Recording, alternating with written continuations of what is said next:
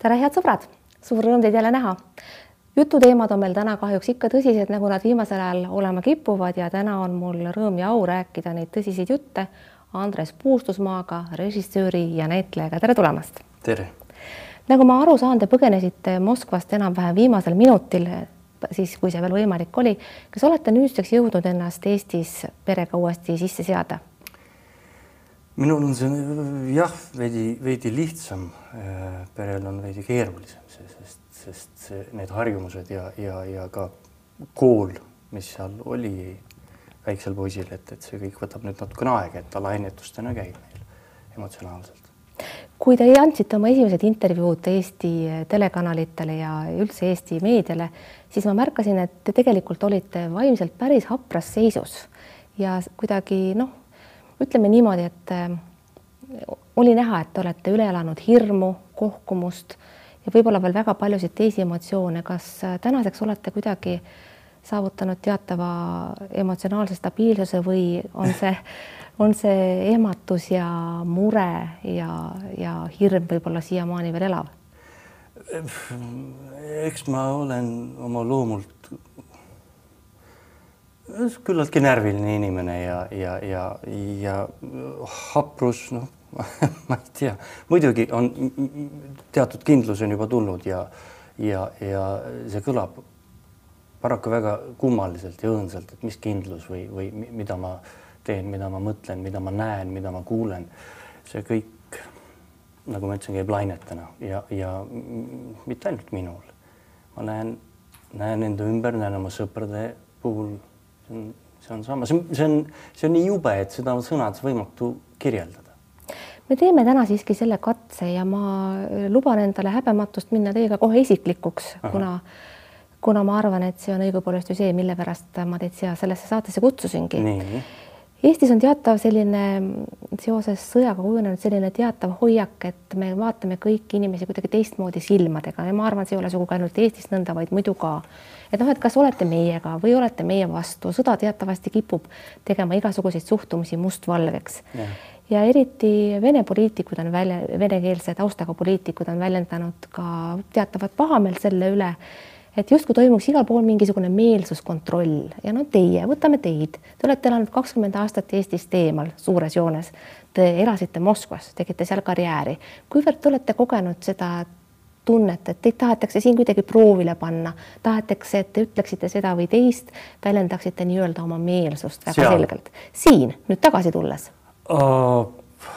ei, ma ei tunne küll seda, mul olid need mm, noh, kas, kas nüüd hirmud, aga, aga, aga ma eeldasin, et midagi sellist hakkab, et kellelegi käib närvidele see, et mis sa nüüd tagasi ronid ja aga noh, see on nende inimeste probleem, et, et enamjaolt siiski seda ma ei ole seda tundnud, küll ma näen äh, mõningate inimeste peal, küll ka venekeelsete inimeste peal nende, nende mm, sellist hoitust äh,, isegi vaikimist äh,, mitte välja öelda oma positsiooni. ma ei pea seda õigeks, mitte mingil juhul.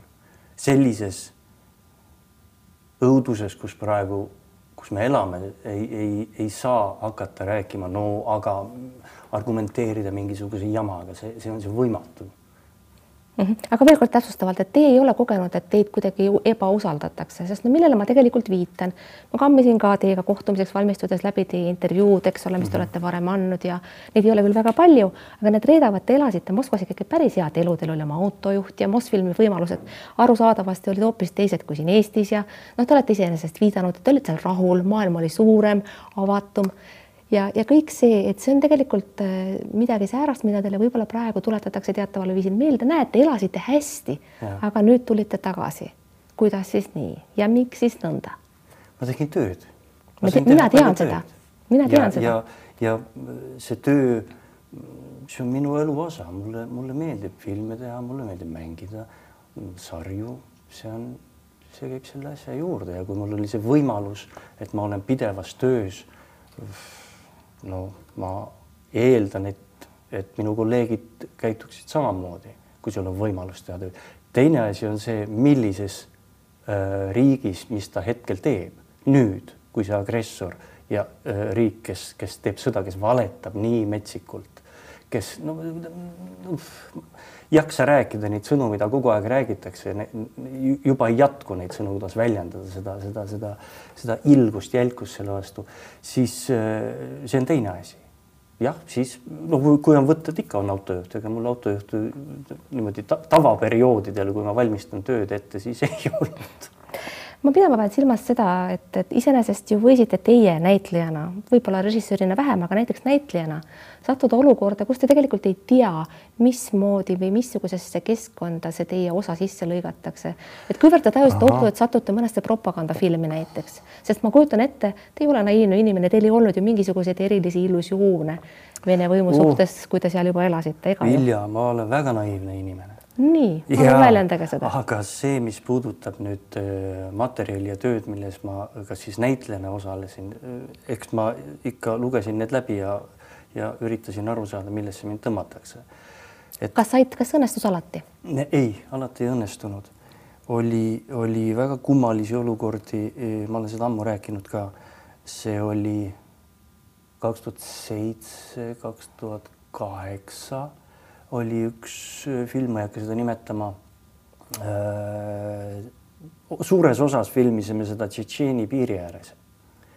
Äh, noh, viiskümmend, kuuskümmend kilomeetrit sellest eemal, aga, aga, aga see, see elanikkond, kes oli väiksed külad, linnakesed, et, et seal ma hakkasin aru saama, millesse mind visati ja, ja nii edasi. sama toimus ka kaks tuhat kümme, kui, kui mul äh, suurte rahadega anti, anti töö ette, et äh, teha siis Ukraina inimeste, Ukraina rahva vastu propagandasõjafilm, mille pealt ma siis tulin ära. Te saite säärase ettepaneku, selle eest pakuti suurt raha, te keelusite? E, ma tegin, valmistasin ette, ega seda hakati muutma käigu pealt, võtete ajal. ettevalmistusprotsess oli, oli kõik korras, kõik oli kokku lepitud ja siis hakkas see muutma ja käigu pealt võtteplatsil ja ja peale võtteid muudeti tekste, muudeti kogu mõtet ja nii edasi. no aga sellisel hetkel oleks pidanud ju surema viimanegi naiivsus teis. no ja ma läksin minema.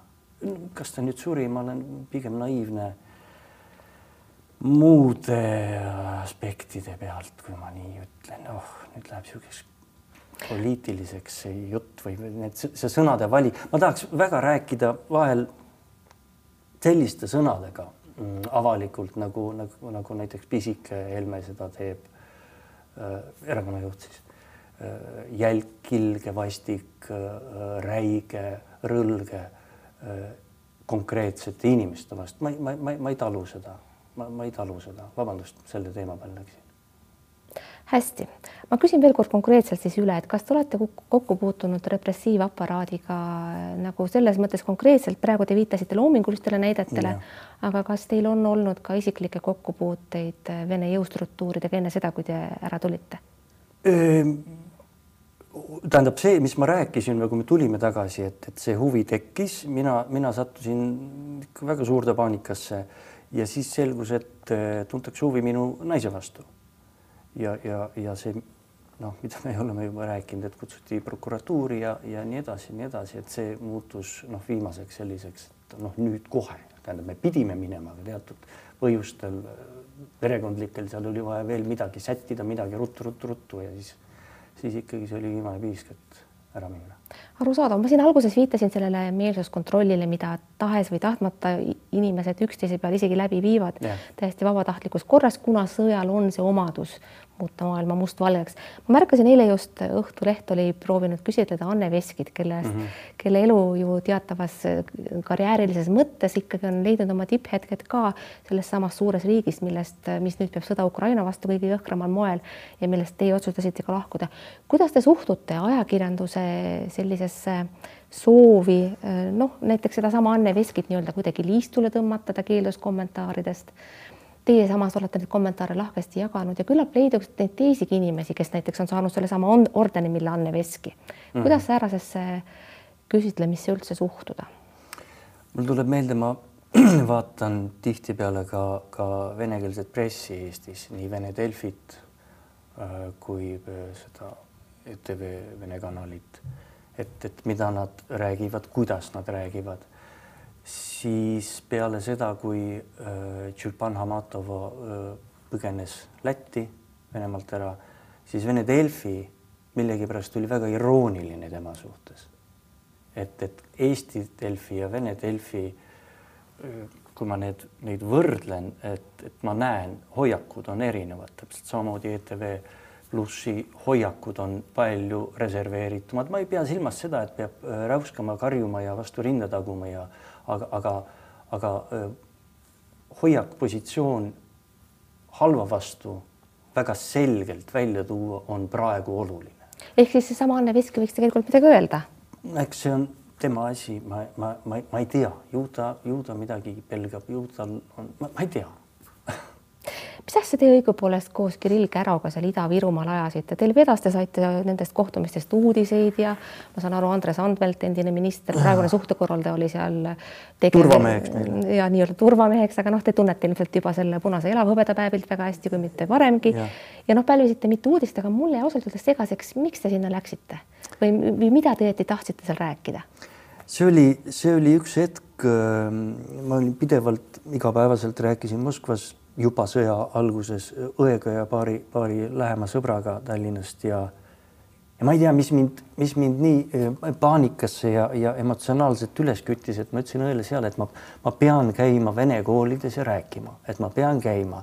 Eh, ma, ma, ma tahan kuulda, ma tahan kuulda, mis nad räägivad, ma tahan aru saada, mismoodi Eestis see, see nii-öelda see mm, see ajupesu on toimunud, ma noh, me kõik saame aru, mis see on, see on Vene meedia, see on see propaganda, see on nende, nende äh, õnnetute laste vanemad, äh, vanavanemad, see on, see on, see on, see on väga kohutav asi. millest te õigupoolest aru saite siis seal kohapeal? see on suures osas peaga vastu seina jooksmine no aga teie enda sõnum oli ka ikkagi väga pehme, kui ma selle nüüd tõlgin, panen see teise keelde tagasi, siis mis seal siis oli, et rebjate davati žit ružna, oli see teie sõnum?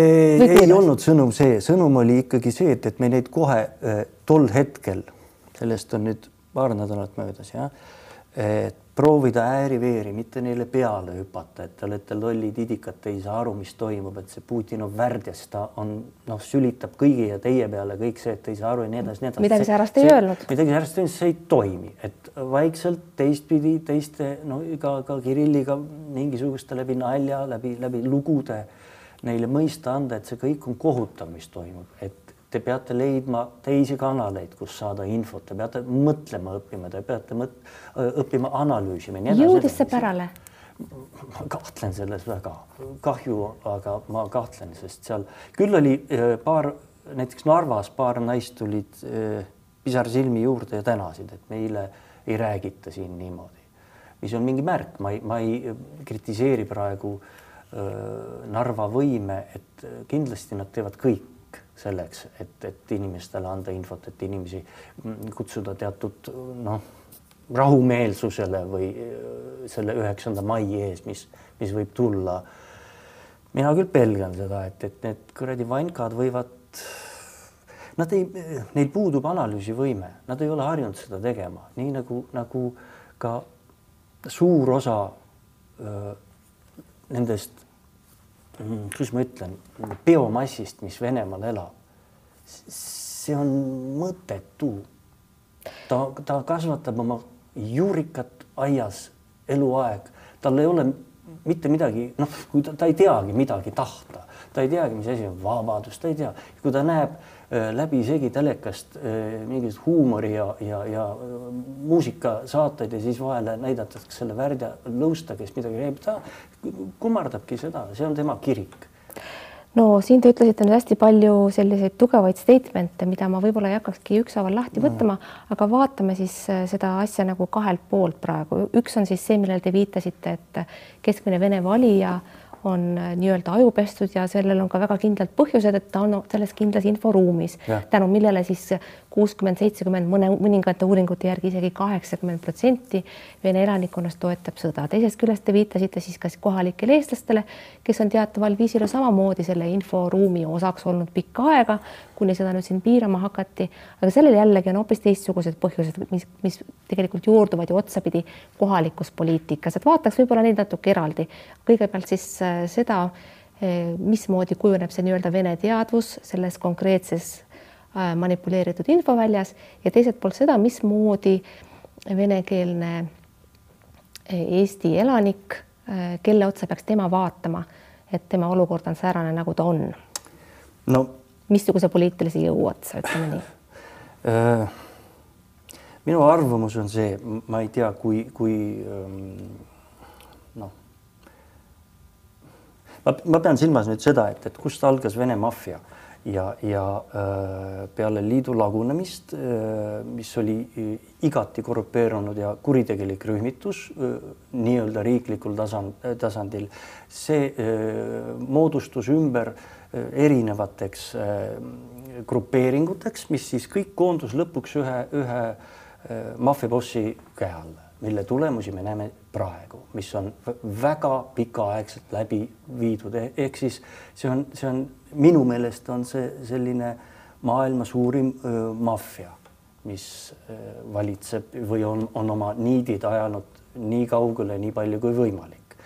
teatud mõjutused, noh, rääkimata, rääkimata sellest, mis toimus nüüd jällegi minu jaoks, minu arvamus, et see on, see on väga kurb ja kahetsusväärne, et Orban jällegi valiti tagasi ja, ja need maffianiidid ulatuvad sinna, see on seotud noh, kes, kes nagu hakkab räuskama või kriiskama, Andres, sa ei tea, no lugege, vaadake, uurige. et üldse Ungari on läinud, tahate te öelda jah? jah, ja, mm -hmm. ja, ja ütleme, niisugune käitumismudel siit ja sealt, ma pean silmas siis Venemaad, Ungarist ja mujalt on, on meil kodus näha Äh, EKRE käitumislaadis? me kohe jõuaks selle sisepoliitika juurde veel täpsemalt, aga korra siis nagu Venemaa keskelt vaadates, et noh, pärast äh, seda, neid pilte, neid kaadreid, mida me nägime Butšas, noh, me tänaseks äh, võime juba kõik väga paljude allikate põhjal järeldada ja iseenese tarkuse põhjal ka, et selliseid kaadreid saame nägema veel palju ja see on nii-öelda jäämäe veepealne osa aga kuidas siis ikkagi mõista sellist äh, Vene ühiskonna ja konkreetsete Vene üksikisikute vastutust, et mida ma pean silmas, mul on jäänud sotsiaalmeediast meelde sellised suhtumised või noh, ma nüüd utreerin ja võtan mm -hmm. lühidalt kokku, see kõlab umbes nii, et, et iga kord, kui teie tulete meile rääkima vene kirjandusest, balletist ja vene kunstist, näitan mina teile neid pilte, mismoodi vägistati, tapeti ja hukati Ukla lasuga inimesi Butšas või siis mõnes teises kohas. et see on selline suhtumine, mis väga kergesti on tekkinud mm, -hmm. ehk siis iga vene Vene inimene vastutab isiklikult selle õuduse eest, mis seal on korda saadetud, on see kohane, on see õige, on see täpne, adekvaatne? minu arvamus, et praegusel hetkel on see adekvaatne. see, see ei saa teisiti olla. hästi see on konkreetne vastus. vaatame Eesti sisepoliitikasse, te viitasite juba EKRE-le mm, -hmm. mina viitasin kaudselt Keskerakonnale, tänu kellele no. on tekkinud siis äh, meil see kahekeelne haridussüsteem, mille püsimise eest Keskerakond on seisnud pikki-pikki aastaid ja mis tegelikult kaudselt ikkagi ka äh, toob ju oma endaga kaasa neid probleeme, mille ees me praegu seisame, milles me seisame võib-olla ka üheksandal mail uuesti jälle. et võib-olla te teeksite nüüd need sisepoliitilised viited, mis äh, teil juba kuskil eos olid, viitasite EKRE-le, mina omakorda paluksin veel äh, sõnastada ka Keskerakonna rolli. aga miks mitte ka mõne teise partei oma, näiteks Reformierakonna? see on mina, kes ma ei ole poliitik ja, ja, ja ma öö, huvitun sellest, sest ma arvan, võib-olla on see ajaga, ajaga niimoodi toimunud, et, et loomulikult ma nüüd ammu juba huvitun sellest, mis toimub Eestis ja, ja kui ma seisan, ma toon selliseid kummalisi võib-olla näiteid kaugelt, kui ma, oletame, me oleme Riigikogus ja ma seisan seljaga spiikri poole, ratta poole. Ja seal paremat kätt on üks pingirida, seltskond. Ja seal kõige taga, noh nagu klassis tavaliselt kahelised ja kolmelised seal kusagil, kusagil taga, kui see üks, üks äh, rahvasaadik äh, mähib ennast kilesse. ma, ma ei tea, mis. Kalle Grünthal on tema nimi, ütlen ma vaataja tarvis. ja, ja mähib ennast kilesse ja, ja, ja noh, räägib rumalusi, loll võib olla, rumal ei tohi olla, eriti veel Riigikogus ja räägib rumalusi, kiusab inimesi, mehi, naisi, ei hakka näiteid praegu tooma ja nüüd see, mis ma praegu räägin, et mähkis ennast kilesse selle peale ma ei tea, ma, ma eeldan, ma, ma, ma fantaseerin praegu sellist, eh, sellelt pinnalt, mis ma olen näinud ja kuulnud. Eh, nüüd ta kirjutab kusagile või, või hakkab, hakkab kraaksuma, et see on vale, Puustusmaa valetas. no eh, vale on see ilmselt, mida ta peab silmas, et tema pani ühekordse vihmakeebi omale, aga mina ütlesin, et ta mähkis ennast kilesse. et noh, sisuliselt ma ju ei valeta, ma, ma üldistan tema teguviisi ja käitumist.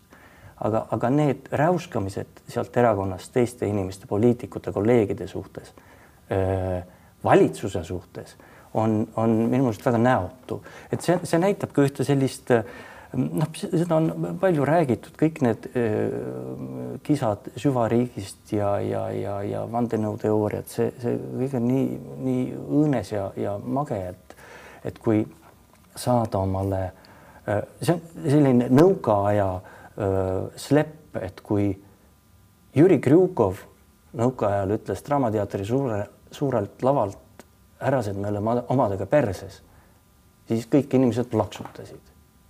kui praegu keegi sääraselt ütleb või, või isikuliselt meie, meie, mina pean väga lugu ja austan äh, meie peaministrit ja veel väga mitut ministrit, kes praegu valitsuses on ja nende teguviisi. ja kui, kui mõned kolleegid sealt äh, poliitikuid ähm, noh, halvade sõnadega noh, halvustavad, ironiseerivad, õõnestavad tegelikult.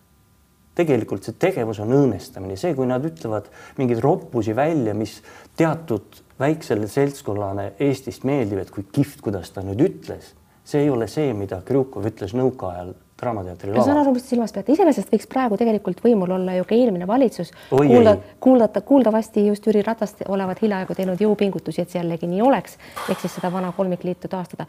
Oskate.... ta on teinud suuri edusamme, vabandust, ma segan vahele, see, kuidas ta alustas oma poliitikukarjääri, see, need eh, jutud, ma usun, et kui ma läheksin poliitikasse, ma väga kiirelt õpiks ära ähm, sellise noh, poliitilise väljendus keele, kuidas ma räägin, läheb veel, veel segasemaks, kui ma praegu räägin. aga tema on noh, aastatega arenenud, et see, et see rattaring on selline, no hea küll. aga mida ma silma, silmas pean või oleksin õigupoolest tahtnud küsida, on see, et kui praegu oleks see valitsus, mis meil oli eelmine, kuidas me siis sõjas hakkama saaksime, sest äh, moel või teisel me oleme sõtta haaratud juba nii või teisiti, tahame seda endale tunnistada või ei taha? ma ei tea, kuidas me oleks hakkama saanud, see, kui äh, isa kiidab poega, vaat kui tubli, mis ta tegi, see on selline teismeliste ja, ja väga kummaline käitumine. tema ikka tegi ja meie teeme ja see enesekiitmine ja see köögilaua taga, kus on ilmselt ka mikrofon pandud, mida nad jutustavad pühapäeviti, see on kõik, kõik väga mage ja mina pean seda õõnestamiseks, mina pean seda äh, see, see punkt, mis seadusest nüüd välja võeti, väga kahju, et välja võeti. see on just nende inimeste poolt eriti tagasi lükatud, kes saaksid oma pläma ja, ja, ja sellist õõnestustegevust edasi ajada. peaaegu on üheksas mai uh. -huh. sellega seoses on erakondadel suuri hirme ja inimestel ka. mis te arvate, milleks me peame olema valmis, nii palju me teame kõik, et teist teistmoodi see üheksas mai meieni igal juhul tuleb. samas on suur hulk inimesi, kes oma tundeid igal juhul soovivad väljendada. Nad võivad olla teatava sellise pressi all, et kõike seda praegu avalikkuse ette tuua ei sobi. seal taustal on siis teatavate sümbolite keelamise taotlus eelnõu vormis ja nii edasi. mida karta, mida loota seekord üheksandalt mailt? ma ei tea, ma olen nõus, vot siin ma olen täiesti nõus väikse Helmega, et et see tuleb sada protsenti ära keelata, lukku panna, kes vähegi kuskil midagi näitab või hakkab, hakkab piiksuma või, või rääkima selles suunas, tuleb lihtsalt välja saata. noh, siin neil ei ole kohta, see, see on, see on väga ilmne provokatsioon ja, ja kahjuks on need sealt erakonnast, need provokatiivsed sõimlemised, see on väga ohtlik, ei tohi omavahel äh, niimoodi kembelda sellisel ajal, kembelge, ma ei tea, te kemplesite Covidi ajal väga palju ja, ja oma hanerasvast ja pärast muutsite oma jutte, kõike seda ja, ja noh, okei okay., aga praegu ei tohi nad omavahel mitte mingil juhul kembelda, mitte mingil juhul. ma saan aru, EKRE tegevus on teil oluliselt südamel ei, ta ei ole mul südamel, mulle ei meeldi, kui need inimesed solvavad ja räägivad halvasti oma öö, valitsuskolleegide, oma, oma Toompea partnerite suhtes, see ei ole, noh, see ei ole ilus, ma olen ka väga halvasti käitunud oma kolleegidega, aga, aga me ei ole valitsuses, me ei, määra seda, et, et me, me, me ei peksa omale vastu rinda, mina olen Eesti inimene, armastan Eestit. oota, kui te armastate Eestit, siis olge kogu Eesti eest. kas teid on poliitikasse kutsutud ei ole. kunagi väga ammu. kas lähete? nüüd äkki kutsutakse? ei, ei, ei, ei, ma olen liiga rumal selleks. aga oli kunagi väga ammu. no väga-väga ammu, ma olin Draamateatri näitleja esimest või teist aastat. siis üks erakond küll kutsus. mis oli mulle no,. mis erakond see oli? las ta olla mis erakond see oli? las ta olla. mis erakond see oli? ma ütlesin, et teate, et kui te mulle ülikonna ostate, et siis ma saan tulla, et ma pean ju ülikonnas käima no,. ja seda pole teil ja... siiamaani, nagu ma näen. ei ole, poliitikas ma ei ole. Andres, ma tahaksin teiega lõpetuseks natukene rääkida veel kord tunnetest. et äh, mina näiteks tunnen ennast viimasel ajal väga sageli süüdi, täiesti abstraktsetel põhjustel, näiteks mm. või siis just eriti konkreetsetel, näiteks selles, et mul on tuba soe, mul on piisavalt süüa et mul on voodi, kuhu minna magama ja et ma, et ma jaksan endale osta asju, mida mul on tarvis äraelamiseks, sest nii palju on seoses sõjaga neid inimesi, kes, kellel neid võimalusi ei ole. Ja ma annan endale aru, et ükskõik kui väga ma ei tahaks neid inimesi, kes on hädas, aidata, ma ei suuda seda mitte kuidagi teha. kuivõrd teie seda süütunnet tunnete või mõnda teist eh, tugevat emotsiooni, mis teie jaoks eh, eelkõige sõjaga seostub? ma mm,, ma üritan mitte vaadata üle, üle selle limiidi, ajalimiidi uudiseid. mis te olete enda jaoks kehtestanud? ma küll vaatan seda, sest, sest ma, ma nagu tunnen, ma pean seda nägema, ma, ma, ma pean seda mm,. ma pean seda tunda saama muidu, muidu vastasel juhul ma, ma, ma hakkan kusagil midagi enda sees valetama ja, ja slikerdama, seda, seda ei tohi lubada. aga mis on teie jaoks see kandev emotsioon, millega te peate, millega te peate hakkama saama? mina rääkisin süütundest. mis on teie jaoks see kandev sõjaga seostuv emotsioon? ma ei saa vist praegu päris täpselt aru. No et, ma mõtlen just eelkõige seda, et me kõik jälgime uudiseid ja me kõik ja. tunneme erinevaid emotsioone, mina kirjeldasin süütunnet, võimalik on ju tunda väga palju erinevaid emotsioone, näiteks väsimust, näiteks tüdimust, tülgastust. võimaluste skaala on tegelikult päris lai. on, on muidugi.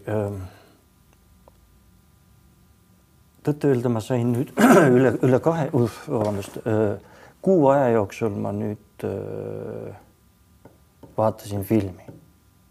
Üle pika aja? jah, ma olin harjunud aastaid vaatama kaks filmi päevas, hommikul ja õhtul. see oli mul niisugune režiim, ma ärkan hommikul üles, teen kohvi, vaatan filmi. ma ei ole, ma ei ole seda üle kuu aja saanud teha. nüüd, nüüd tegin.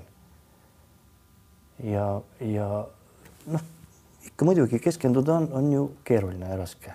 tõepoolest. aga ma soovitan sel juhul need kaks, mis ma vaatasin nüüd ära, on äh, vaat palun vabandust, autori, režissööri nime ei tule meelde, aga, aga, aga kes, kes soovib, leiab äh, Hollandi film, kuueteistkümnes aasta, Riffhagen on nimi, see on üks äh, päris inimene, kes kunagi Hollandis elas ja, ja mis ilgusi ja jälkusi see inimene tegi, hollandlased tegid suurepärase filmi sellest. Praegu, just praegusel ajal vaadata. ja siis vaatasin, vaatasin üle Truffaut kuuekümnendal, kuuekümnendal aastal tehtud filmi Viimane, viimane metroo, kuna tegevus toimub teatris ja, ja see on filmitud kolmteist, neliteist aastat peale teist ilmasõda. et millise emotsiooniga, millest inimesed räägivad, mida nad tunnevad, kuidas nad selle, Prantsusmaal toimus tegevus, filmitegevus Saksa okupatsiooni ajal, nii et noh, mitte see, et te peab vaatama nüüd äh, sõjafilme, asi ei ole selles, aga, aga kuulata muusikat ja, ja üritada lugeda ja üritada suhelda sõpradega. See on hea soovitus. Äh, Andres Puustus, ma tänan teid selle jutuajamise eest ja absoluutselt viimane küsimus äh, oleks säärane. Mulle meenub teie varasematest väljaütlemistest ja kõnelustest ajakirjanikega, et te oleksite soovinud mängida Raskolnikovi, aga sellist võimalust teil ei ole vist olnud oma näitlejatee jooksul. ja, ähm, ja tahtsin teada teie käest, kas olete ehk näinud Semperi ja Ojasoo lavastust Draamateatris, kus Raskolnikovi osas teeb absoluutselt suurepärase esituse Ursel Tilk ma ei ole näinud seda, aga, aga, aga kui ma praegu meenutan, ma olen isegi unustanud, et ma olen midagi sellist kunagi öelnud. näete, kui ohtlikud asjad on intervjuud, et sa ütled midagi, mis hiljem ajaga muutub. sest ka nüüd kuu aega hiljem, kui ma tulin, olen ma päris kindlasti muutunud. enam te ei tahaks Raskolnikovi mängida? ma ei mäleta, et ma oleks tahtnud, võib-olla, võib-olla siis oli mingi, mingi periood kunagi selline, et, et praegu mul on hoopis teised äh, mõtted ja huvid aga igatahes oleme tasa, teie olete saanud soovitada kahte filmi ja mina teile ühte lavastust, mida ma olen käinud ise vaatamas kolm korda. olen sellest endisest vaimustusest Andres Puustusmaa, ma tänan teid selle jutuajamise eest. head sõbrad, aitäh, et te vaatasite. vaadake teinekord ikka jälle, järgmine saade on juba esmaspäeval ja me kohtume seal justiitsminister Maris Lauriga. suur tänu vaatamast, elage hästi, kuulmiseni, nägemiseni